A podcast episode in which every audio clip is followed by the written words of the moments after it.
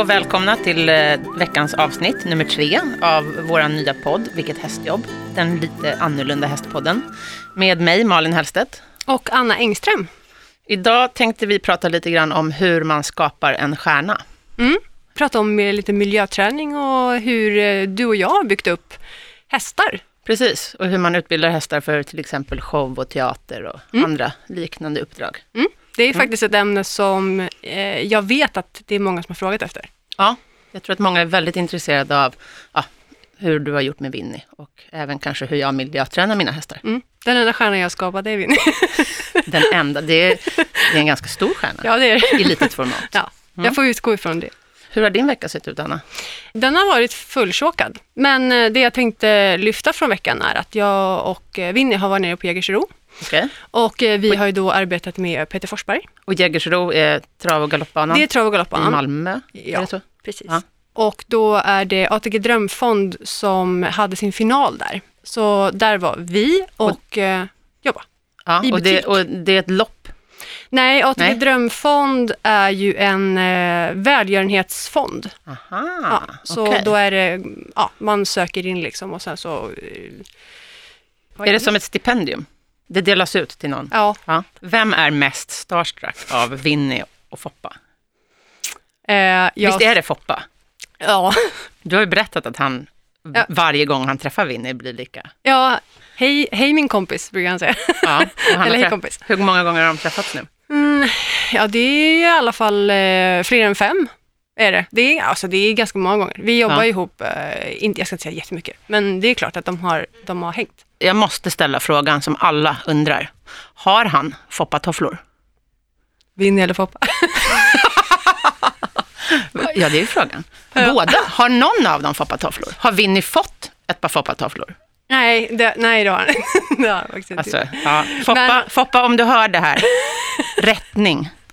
Se till att Winnie får ett par tofflor. ja. Ja. Ska vi gå till vad jag har gjort kanske Ja. istället? Lite mer seriöst. Ja.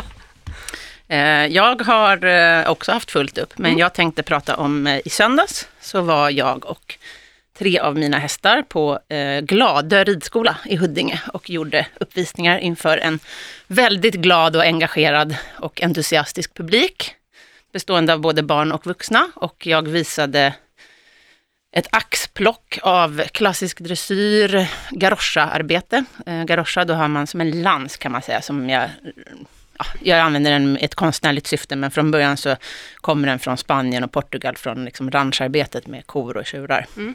Så det visade vi och så visade vi lite tömkörning med min lilla miniatyrhäst Silver. Oh. Ja, fick han vara med? ja han fick vara med, han stal hela showen. Ja, jag förstår det. Ja, Mm. var väldigt busig. Han fick vara lös också och brallade omkring och hoppade och skuttade. Gud vad roligt. Ja, barnen jublade. Mm. Och sen var min sidekick Sara med också som rider Wout. Hon är 12 år gammal och väldigt, väldigt duktig. Så hon Helt vis- otroligt. Ja, väldigt duktig. Så hon visade min friser Wout och sen eh, visade jag även damsadel som jag brinner mycket för. Mm.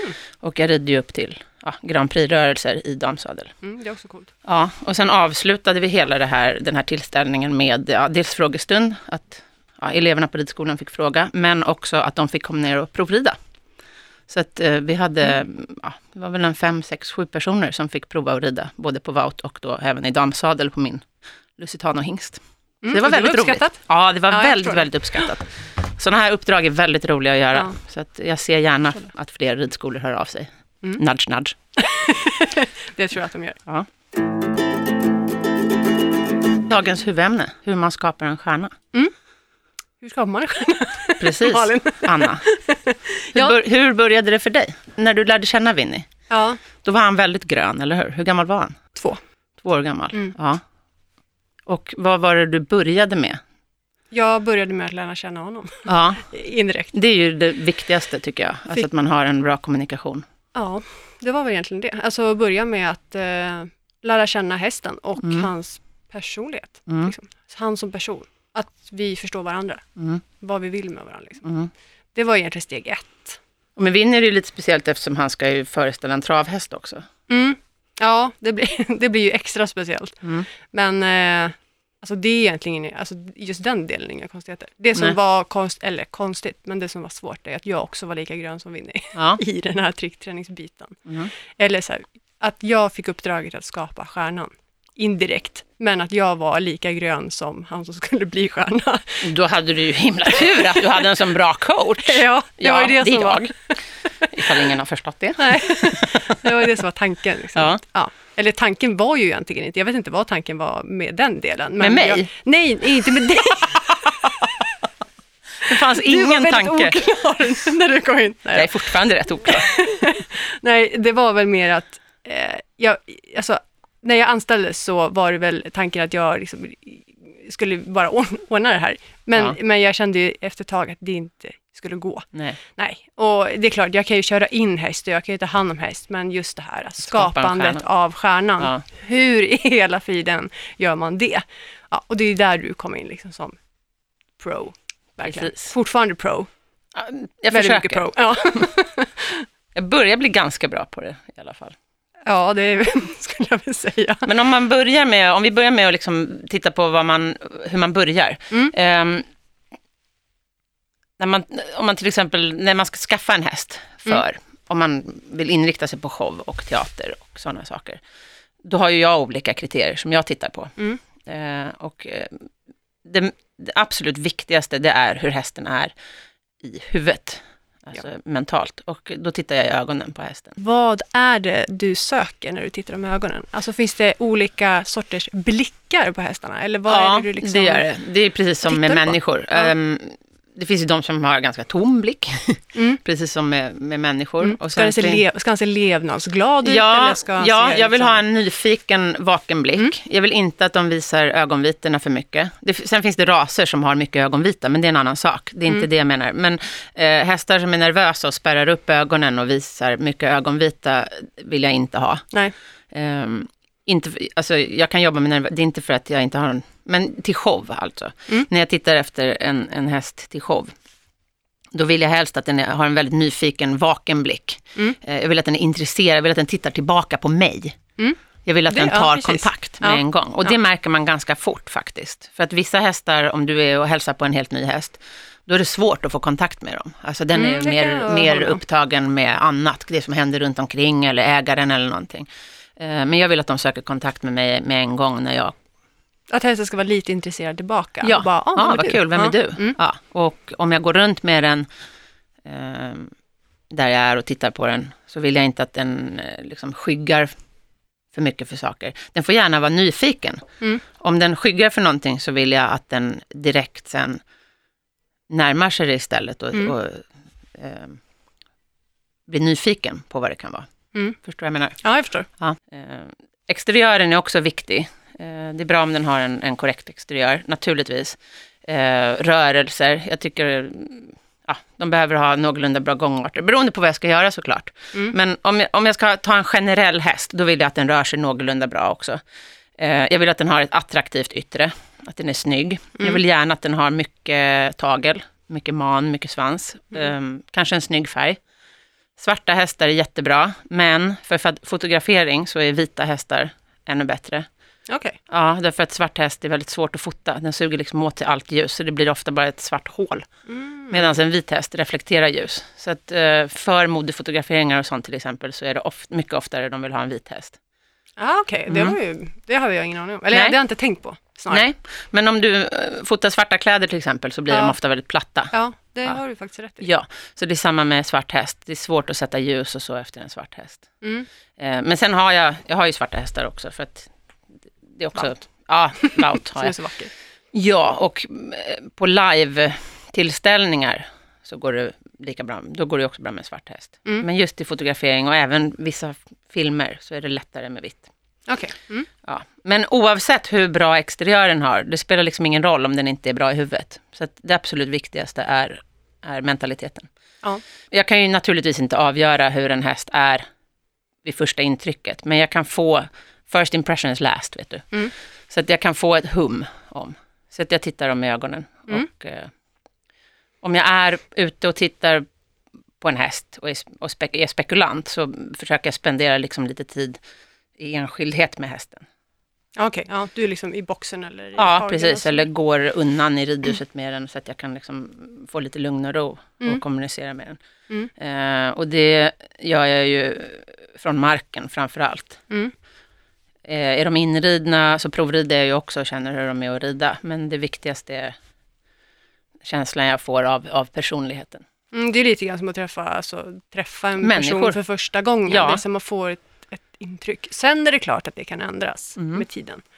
Men eh, Winnie är ju lite, vad ska jag säga, det är lite, an, alltså vi, det har varit lite annorlunda. För du berättar nu hur du väljer ut individer. Och Winnie var ju så här, det här har du att jobba med. Ja, Och eh, det är ju också lite så här, det är svårt för att jag har ju alltså jag, i och med att jag sökte till Winnie. ja. Ja. ja. Och sen har jag fått provjobba med honom såklart. Och jag fick ett intryck där och då att han var, var en väldigt härlig individ. Han är ju också ett praktexempel på det jag just pratade om, för han har ju en ganska dålig exteriör. Ja, Ja, men det har han ju, alltså, ä- även som miniatyrhäst. Så, Anna, du får ursäkta, men han är inte så snygg. Han är väldigt söt, Ja, men han har ju en helt outstanding personlighet. ja, det har han. Han är ju det är personligas personlighet. Måste Ja. jag säga. Ja. Och det tar ju över lite grann. Alltså man, man får ju bortse från liksom exteriörbiten för det är ju inte det som är... Och jag kan tänka mig så här, okej, även om inte du nu valde Winnie, Mm. för du sökte jobbet, men de som har köpt in Winnie, Mm. ATG har ju satt någon på jobbet Ja, att söka ja, upp ja. honom i USA. Jajamän. Ja. Och det vet jag ju, att Ja. de Så var inte väldigt så- så här, det här, han ska vi ha. Exakt, de har ju inte tagit bara Nej, nej, random... nej, nej, nej, gud, nej. Utan det var häst. väldigt, Ja. eh, Så att någon har ju gjort mitt jobb så att säga Mm. redan där. Mm. Ja, stämmer. ja. Han valde dig, så Ja. kanske man kan säga. Ja, ja. Han kanske kollar på exakt samma kriterier som Ja. jag gör. Ja. Han kollade Anna i ögonen. Ser hon ut att vara någorlunda vettigt skapt Väldigt dålig mellan exteriör, öronen? men det gör nog ingenting. Nej. Vi kan ha överseende med Men de det- lite för långa benen. Ja. Ja. ja, Hon är ganska blond också, tänkte han nog. det gjorde han förmodligen. Fast han är ju lika blond. Ja, det är. han. Vi brukar ju skämta om att ni har samma frisyr. jag, har, jag, har fått höra det så många gånger, Ja. att vi är lika. Ni det, är lika. Han har något längre näsa, måste jag säga. ja, jag tycker lite synd om honom att han är lik mig.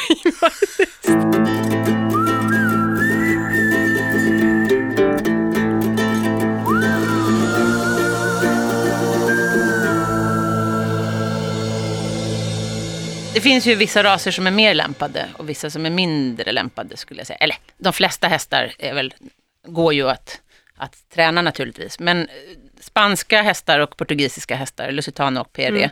är väldigt lämpade för den här typen av arbete. För de är ofta väldigt eh, eager to please, alltså villiga att, att göra rätt. Och de är ofta modiga, för det är en gammal ras som man från början har avlat för eh, strid och tjurfäktning och Mm.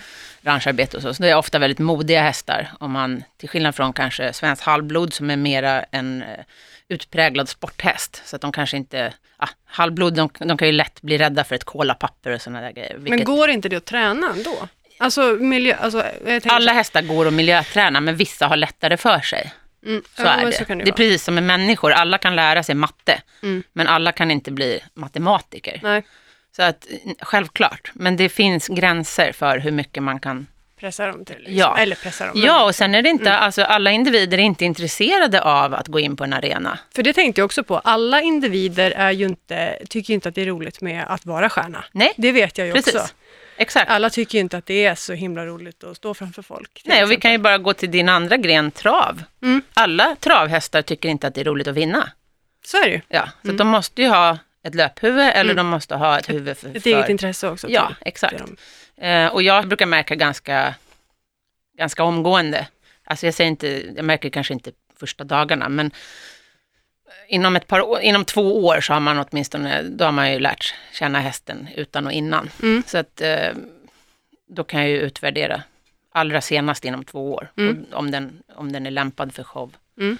Eller inte. Jag har ju sagt till folk att när de kommer fram och frågar eh, om jag har en gammal häst, går Ja. den att trickträna? Och jag har ju hävdat att det går att trickträna i alla åldrar. Ja, ja, ja, absolut. Trickträna och miljöträna går att göra med Mm. alla åldrar. Men det betyder inte att alla hästar kommer att bli Som var med på gladiatorerna till exempel. Nej, nej, nej. nej. Eh, men alla hästar mår bra, skulle jag säga, av trickträning och miljöträning. Eh, Miljöträning tror jag är väldigt, alltså det skulle jag nästan vilja hem och göra på mina travare. Ja, det, miljöträning tycker jag att alla borde hålla på med. Trickträning tycker jag också faktiskt, för det är ett fantastiskt bra sätt att få en trevlig relation med sin häst. Eh, jag brinner ju ganska mycket för problemhästar, som vi ska ta upp i ett senare avsnitt. Mm. Och där har trickträningen varit en, en fantastisk brygga, om jag har haft hästar som har haft ett dåligt liv innan eller så, som är svåra att komma in på livet. Mm. Ofta har de inte hållit på med trickträning innan och börjar jag med det då, då brukar de liksom vakna upp så att säga, Mm. så att jag får en, en djupare relation med dem. Och då brukar allt det andra arbetet komma lite grann på köpet. Mm. Man kommer mycket närmre som person och sen så tycker jag att Mm. det lösgör väldigt bra. Ja. Att liksom Ja. trickträna eller ja. Och jag är väldigt noggrann att tricken ska vara även gymnastiska. Jag gör aldrig ett trick på bekostnad av hästens fysik och Nej. gymnastik. Och jag är alltid noggrann om jag till exempel lär hästen att buga, att gå ner på det ena knät. Mm. Då lär jag den alltid det åt båda hållen, så att den kan stå både på det högra knät och på det vänstra knät. Mm. Så att de blir liksidiga och gymnastiserade åt båda hållen så att säga. Och folk frågar ofta vilket som är det första tricket jag lär in. Är det buga? Är det det lättaste? Men mitt första trick som jag börjar med de flesta hästar, det är att stå på en pall. Mm. Bugandet, det är en så kallad underkastande rörelse. Ja. Alltså det ska mycket till för ett flyktdjur att gå ner på knä. Vissa hästar gör det gladeligen och vissa, där sitter det liksom mera hårt inne att de ska De inte lägger sig ner. Nej, de har ingen lust att gå, men Mm. det är inte ens, inte ligga, men bara att gå ner på ett knä kan de tycka är liksom jobbigt. Mm. Även om jag inte tvingar dem, utan alltså, det handlar ju väldigt mycket om att locka dem och att Sen få dem att göra det mycket- frivilligt. Ja, och integritet Ja, exakt. Men att, men att kliva upp på en pall, Mm. det tycker de flesta är jätteroligt.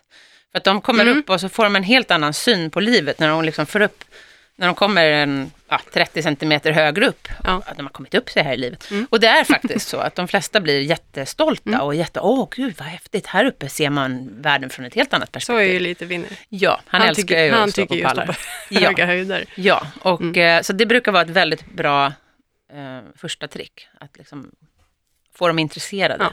Kliv upp på någonting. Ja. En tra, eller vad heter det? Trall?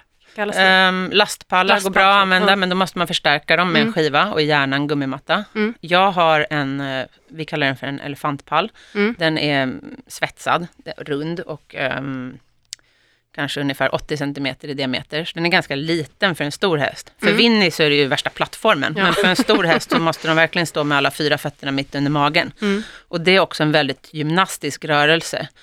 Och tycker jag ett väldigt bra sätt att börja introducera för hästen att sätta mera vikt på bakdelen och samla sig lite grann, Mm. som man gör inom dressyren.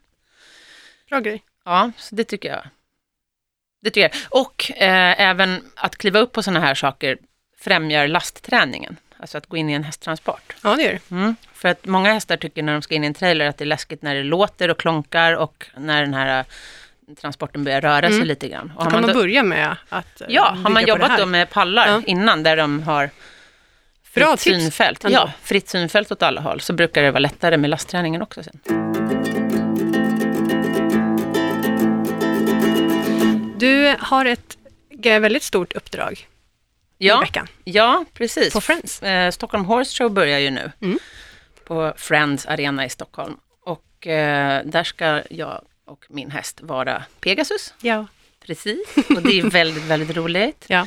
Ehm, Jag såg även vingarna hemma hos dig häromdagen. Vingarna, de är helt fantastiska. Ja. De är faktiskt gjorda av ett par riktiga svanvingar. För att Ove Sandström som är ansvarig för Mm. Ja, ja, och han är ju, koordinerar hela det här stora julavslutningen. Ja. Och, ja, han, är, han är en stor stjärna där på Friends. Han är även eh, zoolog och han har ju kommit över de här svanvingarna på något sätt. Det är ju inte så att de har gått ut och slagit ihjäl en svan, utan de har Nej. väl hittat den.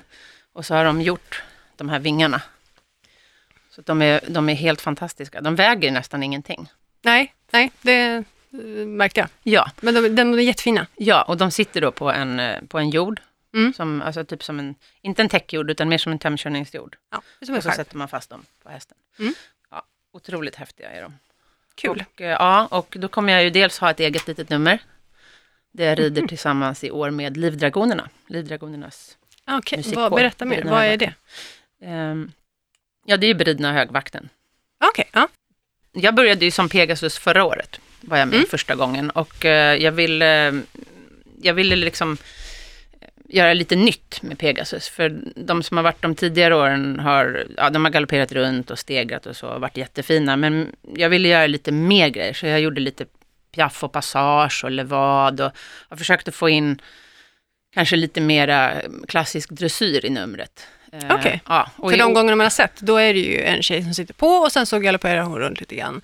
Och sen är det ut. Ja, Liksom. Hon går in precis. och går ut. Typ, Ja, det är inte så precis. mycket. Nej, jag, hade, jag har inte jättemycket Show. tid heller, men jag, gjorde, jag försökte få in Men du lite gjorde det till mera... ditt eget. Ja, jag gjorde ganska, Mm. jag fick fria händer och ehm, jag eh, försökte få in lite liksom, klassiska dressyrrörelser. Så att jag gjorde några galoppombyten och piaff och passage och så Mm. levad. Och, ja, man sitter ju barbacka med de här stora vingarna, så det är ju inte jättelätt. Men, men min häst är väldigt duktig och har gjort mycket sånt här, så att jag kan lita på honom. Och i år så rider jag tillsammans med Livgardets dragoner, Mm. ridna högvakten. Och det är jätteroligt. Jag beundrar dem väldigt och tycker att de är fantastiska. Ja, är de. ja, de, är, ja, de är så himla stiliga och Mm. ståtliga. Och eh, de här fina hästarna. De har eh, ja, mycket fuxar, svenska halvblod. Mm. Och sen har de eh, kladruber, de vita hästarna. Mm. En tjeckisk ras. Och sen är det pukhästarna som är shirehästar. Oden och Tor heter de. De är Ja. jättefina. Jag vet. Ja. Jag har träffat Tor. Ja, han är jättefin. Vinny var så, alltså de var så förälskade i varandra. roligt. Ja. Och det här är, är faktiskt en dröm för mig. Att få rida med dem. Så det ska bli jätte, jätteroligt. Jag hoppas att det blir uppskattat och populärt. Det tror jag. Ja. De är så himla fina. Ja. Häng kvar, för snart ska vi prata om en annan lite udda stjärna. Mm. Får du prata lite mer om Anna? Ja, det ska jag göra. Ja.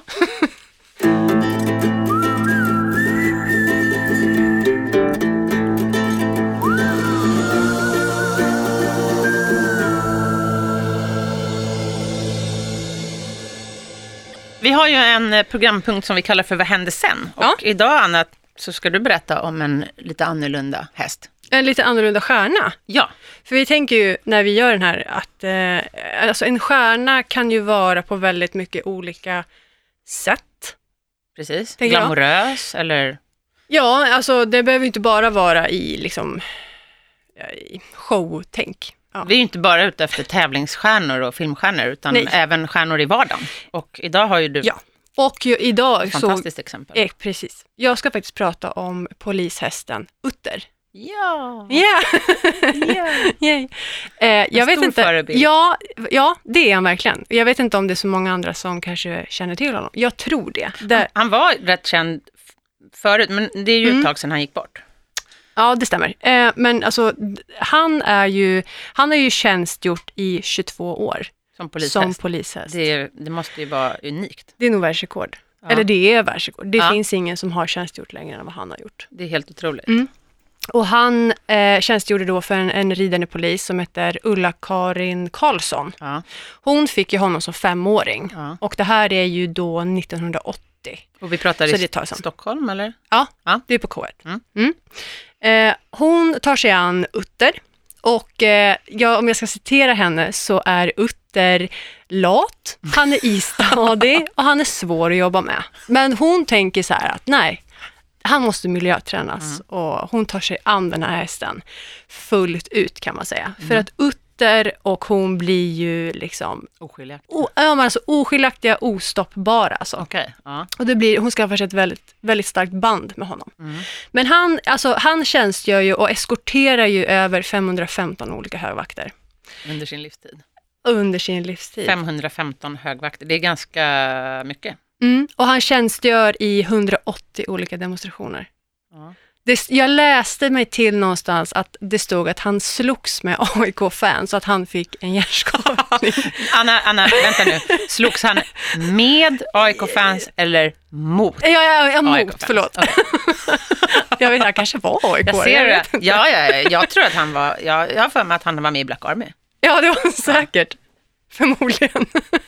Ja, nej. Jag är ju själv aik så jag Mm, är jag ganska vet. säker Ja. på att jag har suttit bredvid honom Ja, det, på några stå. jag, vågar in, jag tänker inte säga emot på någonting här, för jag, vi går inte in på det. Men eh, det som är så roligt med Utter, det är att han faktiskt inte bara varit polishäst under sin livstid, utan han har liksom tävlat i hoppning, hoppning dressyr, västern och han har tävlat i trav. Ja, det är ju helt otroligt. Ehm, Jag sökte honom på Svensk Travsport. Tyvärr så tror jag att det är alldeles för långt bort för att hitta någonting på honom. Ja, och sen kanske han inte tävlade i trav på det sättet. För, kanske inte. För Det- det, är ju väl, det är väl bara s- travhästar, varm, alltså, ja, det, rasen ja. travhäst som Jo, får. ja. Men det kan ju Mm. vara mera jippoaktigt. Ja, vi, får, vi får googla på det. Och vi har ju faktiskt mejladress, så att om någon vet, Om man har tävlat trav. ja, så snälla kan ni kanske skriva till oss och Mm. berätta om det här, för vi är väldigt intresserade. Vilket hästjobb gmail.com. Det är också väldigt häftigt att han har gjort alla de här grenarna. Ja. Och han har ju även, alltså han vart ju en tv och radiokändis Ja. eh, via det här då. Ja. Och han har spelat in film och teater och varit med och gjort ganska mycket uppvisningar. Och det här var under sin, Ja, sin tjänstgöringsperiod, eller Ja, hur? exakt. Eh, och eh, om man vill läsa mer om honom eller veta mer om honom och eh, Ulla-Karin så har hon faktiskt skrivit två böcker. Mm. Eh, den ena heter Polishästen Utter på nya uppdrag och den andra heter Utter en polishäst. Ja. Och jag tror att de turnerade rätt mycket tillsammans också. Mm, det gjorde de. Och hon har hållit väldigt mycket kurser i miljöträning. Ja, och de vart, Och gör jag tror att de vart avtackade till och med på Friends. Okej. Kan ha varit så. Ja. På någon julshow någonstans Ja, så, vart de, ja, så vart de avtackade. Ja. Eh, men han blev i alla fall 31 år och dog 2006 Mm. i hagen, i hennes knä. Alltså det är väldigt hjärtskärande när, man, när man läser det. Ja, men förmodligen dog han just lugnt och stilla och lycklig. ja. Och det är få hästar förunnat. Som får göra det, ja. Men han vilar i alla fall på Kaknäs djurkyrkogård. Mm. Och du Mm. hade inte varit där, Nej, det har jag inte varit. Jag har varit på Kaknäs djurkyrkogård. Det måste vara väldigt vackert, tänker jag. Det är, det är jättefint. Alltså det, och det är väldigt, väldigt ehm, avancerade gravar. För att jag Mm. har ju lite så här, man har ju begravt sina djur hemma. Och då är det ganska enkla gravar. Men här är det riktiga gravstenar. Några är alltså verkligen överdådiga. Mm. Oj. Precis som på en vanlig kyrkogård. Men får vem som helst komma dit med sitt jag, djur? jag tror inte att du kan gå dit och bara gräva Nej, men ner. jag tänker så här, så om, om du har en häst och du vill placera Ja, på ja. en kyrkogård ja så kan det du tror jag. dig. Jag ja. tror det. Okej. Faktiskt, för att det ligger allt möjligt. Och de, alltså, jag var faktiskt där i somras av en slump. Och Okej. Det finns inte så många hästar, det är två eller tre hästar. Men vad är det som, jag har för mig att det är någon cirkushästar. Nej men det är allt möjligt. Ja, det är det är katter, kaniner, hundar. Alltså den absolut största gravstenen på hela kyrkogården tror jag var en chihuahua. Alltså det är en sån här, du vet en, Ja. ett marmorblock två gånger två meter stort. Åh, Typ, herregud. inte riktigt men nästan. Alltså nästan. Gigantisk grav. Och då tänker man så här, här ligger en elefant. Ja, men nej, det var chihuahua. Och det är såna här, äh, alltså det är mer avancerade gravstenar än på en vanlig kyrkogård. Mm. Såna här där de har lasrat in en bild på djuret i stenen. Åh jäklar, jag måste åka dit och titta. Ja, gör det. Och eh, jag rekommenderar alla att åka dit, för det är väldigt fint Mm. faktiskt. Den är, det är inte någon jättestor kyrkogård och den ligger liksom ute i skogen, kan man säga. Mm. Kaknäs, vart, vart ligger det? Vet Djurgården. Djur- Jaha, Ja, okej. Gärdet. Ah, då så. Yes. Nära och bra, tänkte jag Ja. säga. ja.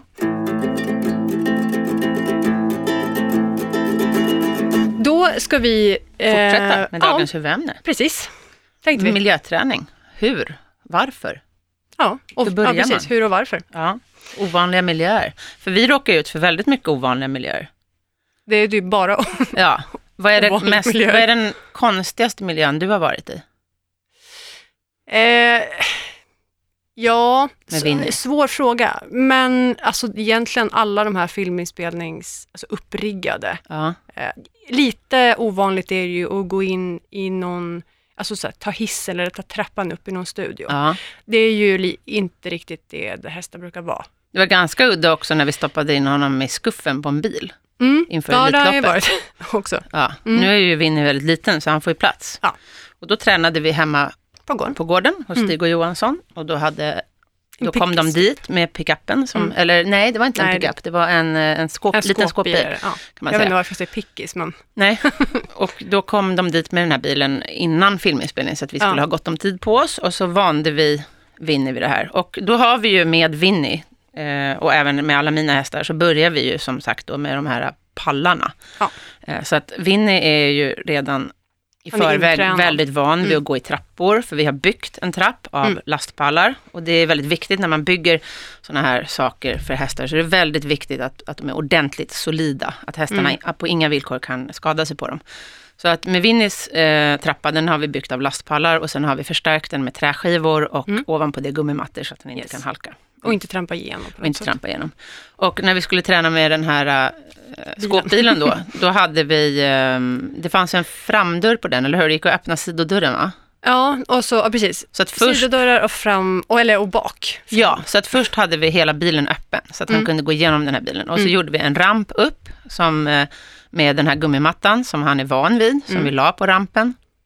Eh, och så, så fick han knalla in i bilen och så fick han godis där inne. Och Mm. eh, Anna ledde honom in i bilen och jag stod framför och berömde honom. Ja. Så fick han gå igenom den.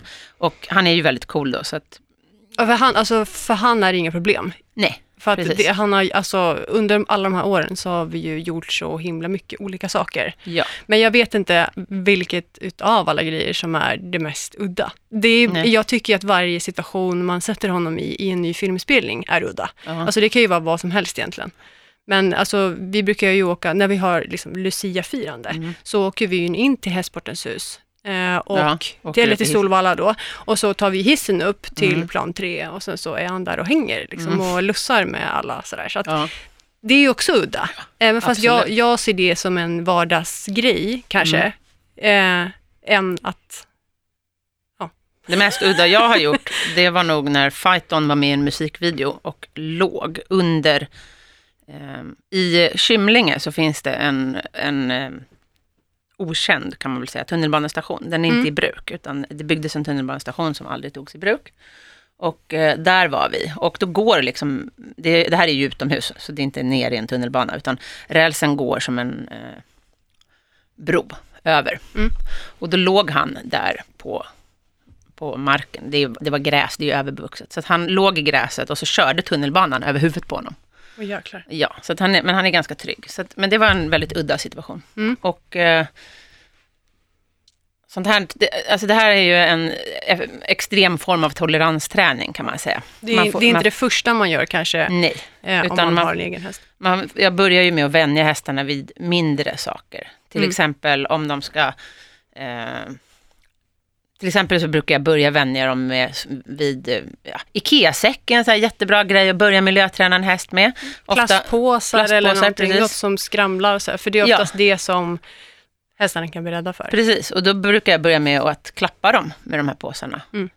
Försiktigt, så att Mm. de vänjer sig vid dem. Och sen går jag över till eh, svårare och svårare saker. Jag Mm. brukar ha en, eh, en liten flagga har jag, som jag har på en liten pinne. En Mm. väldigt liten flagga till att börja med. Och som jag eh, stryker dem med, klappar dem med, viftar med. De får liksom bekanta sig med föremålen man liksom ska miljöträna dem Ja, med. precis. Men det som jag tycker är viktigt när man tränar en häst, det är att jag kan inte träna den i alla situationer. Nej. Jag kan förbereda den så att den kan klara av alla situationer. Men om jag ska vänja den vid varje ny tänkbar sak, då kommer det bli ett evighetsprojekt. Utan Mm. jag, måste göra, jag måste få min häst trygg så att den litar på mig i alla situationer oavsett vad som Mm. händer. Yes. Så att, eh, och det är det jag menar med att man kan använda lastpallarna till exempel som, last, som träning inför transport. Man Mm. måste inte ha en transport, utan jag vill ha hästen så pass trygg att den sen följer med mig in i trailern, även fast trailern är någonting helt nytt. Mm. Ehm, Men då krävs det ju också, tänker jag, att man har ett ganska bra band tillsammans med sin häst. Ja, det kräver också mycket timing och eftertanke. För att eh, jag som tränare är den som försätter hästen i de här situationerna. Mm. Och då måste jag också alltid, och det här gäller allt, det här gäller att gå in i läskiga saker, att buga, att, ja, Mm. vad jag än ber hästen om, så måste jag också vara den som tar hästen ur situationen eller avslutar övningen. Mm.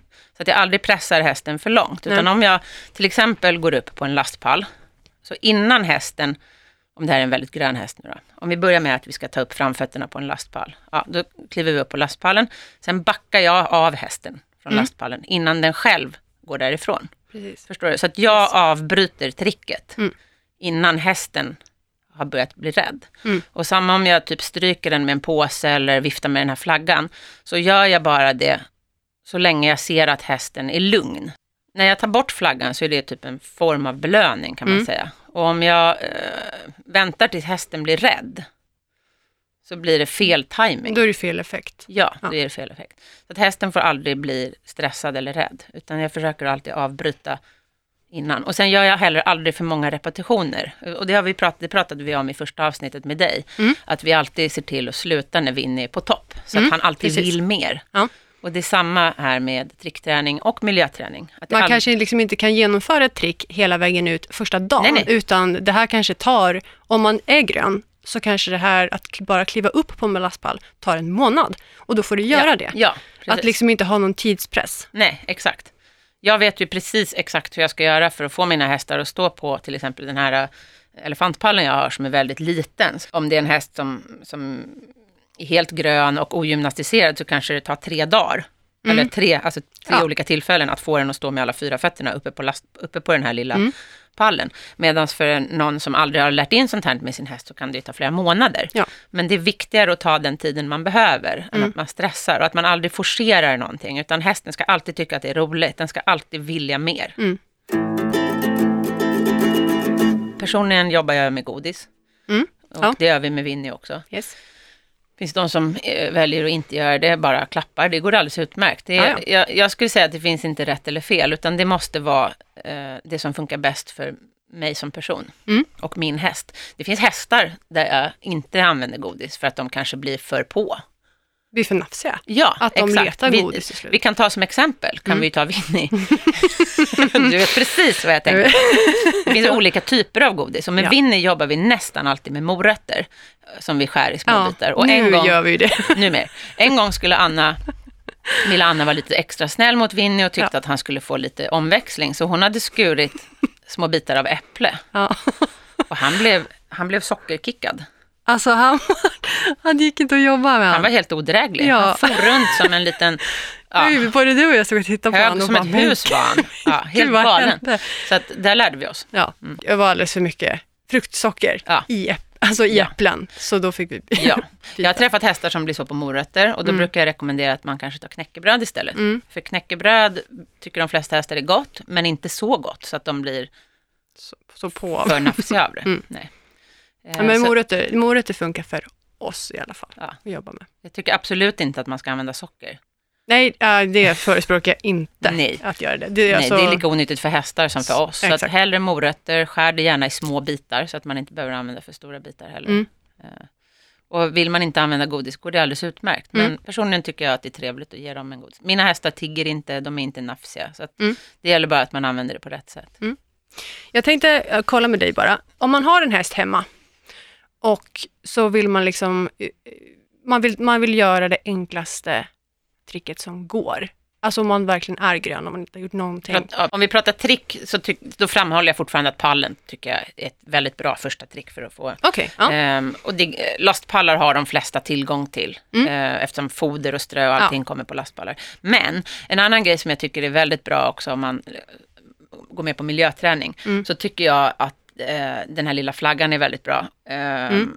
Och den kan man använda till alla möjliga grejer. Jag har ofta, jag köp, tar en blompinne. När det sitter bra så kan man så småningom också gå över till exempel till ett paraply. Mm.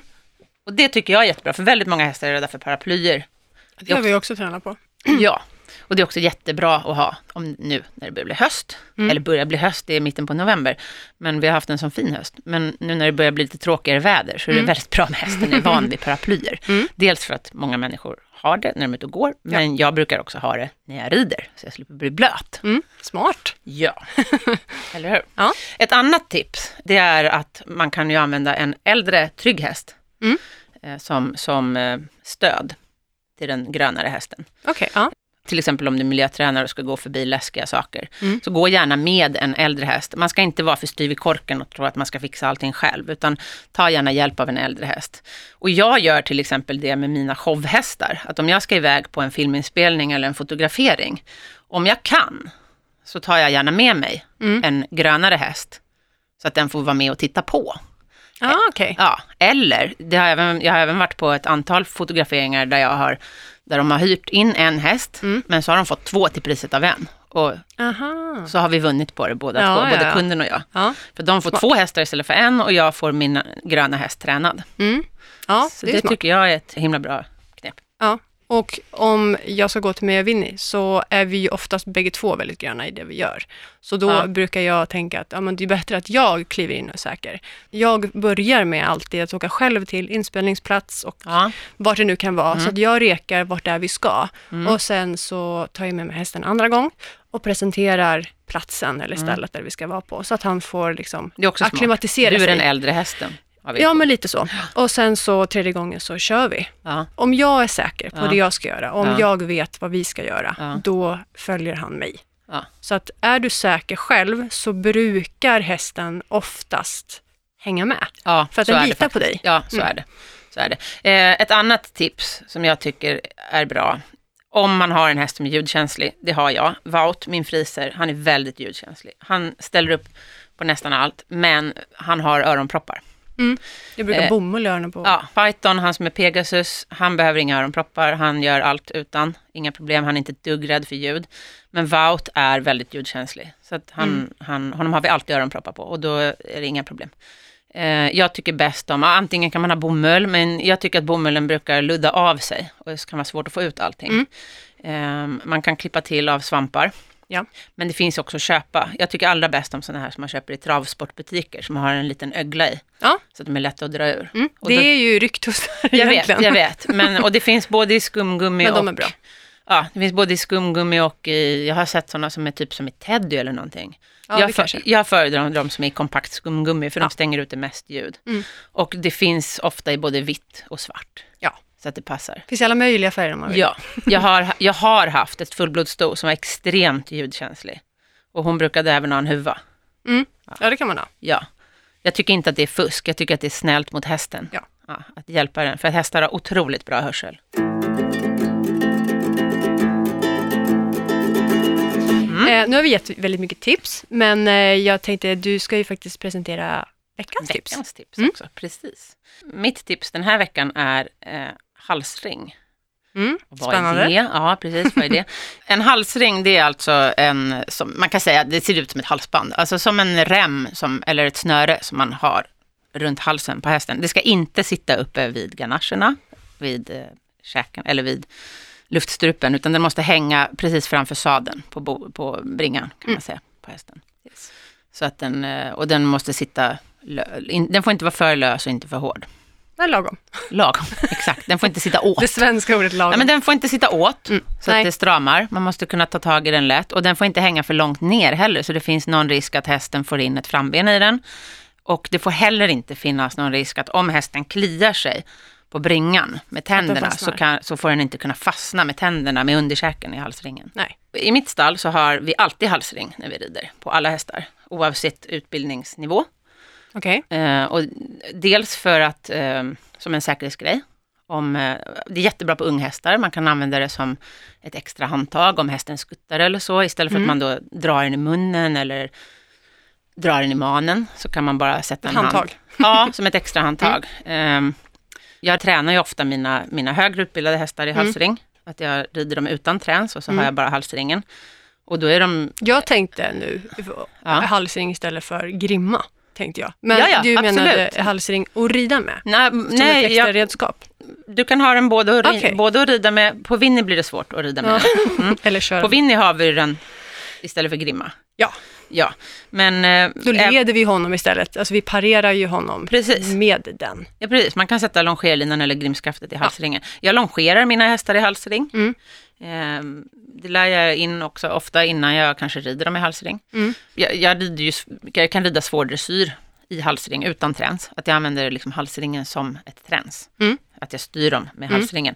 Eftersom jag börjar på det mer än redan på unghästarna så tar jag i den när jag bromsar dem redan när de är unga. Ja. Så att de vänjer du sig lär vid in den och så. Ja, Mm. exakt. Men även som sagt som en- en säkerhetsgrej, tycker jag. Eh, Jag tycker att det är något som borde ingå i till exempel grundutrustningen på ridskolor. Mm. Ofta på ridskolor så kan hästen ha så kallade hjälptyglar, typ en inspelningstygel eller en halsförlängare. Så. Jag tycker att det vore bättre att de hade en halsring faktiskt. Det tycker jag borde ingå för att ryttarna inte ska dra hästen i munnen om de tappar balansen. Mm. Alltså, framförallt för gröna ryttare så tycker jag det är... Jag tycker egentligen att det är oumbärligt. Det finns att köpa väldigt många fina halsringar, alltså lite tjusigare sådär. Man kan köpa på alla möjliga olika sidor. Flätade i läder eller i något fint rep eller så. Mm. Eh, Jag har flera olika jättevackra varianter med en medaljong på i fint läder, dubbelsytt läder och med, med gulddekorationer och så. Men det går lika bra att ta eh, till exempel ett stigläder kan man använda. Jag personligen tycker att det blir lite klumpigt med ett stigläder, men det är också en smaksak. Eh, min favorit det är att ta själva halsringen från en martingall. Att man plockar bort martingalldelen och så har man bara själva halsringen. Eller har man ingenting annat kan man ta ett grimskaft Mm. och knyta. Smart. Ja, eller ja, ett tunnare rep. Mm. Men att man anpassar den rätt till hästen så att den inte är för stor och den får inte sitta för tajt. Nej. Och just ur säkerhetssynpunkt så är det många som frågar då om det inte går lika bra att ha ett handtag i sadeln, för det finns ju små ringar Mm. längst fram på sadeln där det brukar vara populärt att ha ett litet handtag. Och jag tycker inte att det är lika bra, därför att då hamnar händerna för nära Kroppen. skrevet, för, för nära kroppen. Mm. Och då får du inte bra balans. Så att ur en säkerhetssynpunkt, om du har en häst som bockar och sådär och behöver något att hålla dig, då är det bättre med en halsring som Mm. hamnar lite längre fram, Ja. där handen ska vara. Dagens tips. Ja, mycket bra tycker jag. Nästa vecka, då eh, spelar vi in från Friends. Precis, då ska vi köra flygande reportage för första Gud gången. vad roligt. Det ska bli jättespännande. Ja, det är jättekul. Jag kommer ju showa för fullt Ja. och du kommer springa runt med en Jag antenn kommer på vara reporter. Ja, Ja. Hur känns det? ja. Alltså, jag, jag ser framför mig att du har en sån här mikrofon med en gigantisk raggsocka på som, Som du kör upp i TV4. nyllet på mig så fort jag dyker förbi. Och du kommer bli jätteirriterad på Ja. mig. Ja. Bara, Det ska Gud bli jätteroligt. Ja, Ja. Jag tänkte även säga att vi har en Facebook-sida och en Instagram Mm. där vi heter Vilket hästjobb. Och har du några frågor eller tips till oss så får du väldigt gärna mejla dem till vilkethastjobb gmail.com. Och prenumerera på podden, ge oss fem stjärnor, för om ni prenumererar så missar ni ingenting. Om ni prenumererar också så kommer vi högre upp på eh, topplistan. Och det Ja, ju det vill vi. Ja, det vill vi. Och det Yay, gör tårta, tårta! andra hittar oss också. Ja, Ja, så det är ju bra. jag tycker ni kan mejla oavsett. Ja, det Feedback, behöver inte ens vara frågor. Kom med feedback, kom gärna med förslag på vad ni vill höra i programmet. Mm. Eller om ni har någon sån här gäst ni tycker är kär. Oh, men gud, att de inte har tänkt på det. Ja, Precis. Mm. Bara det är annorlunda. Ja, bara annorlunda. Kanon. Tack för idag. Tack för idag. Hej då. Hej.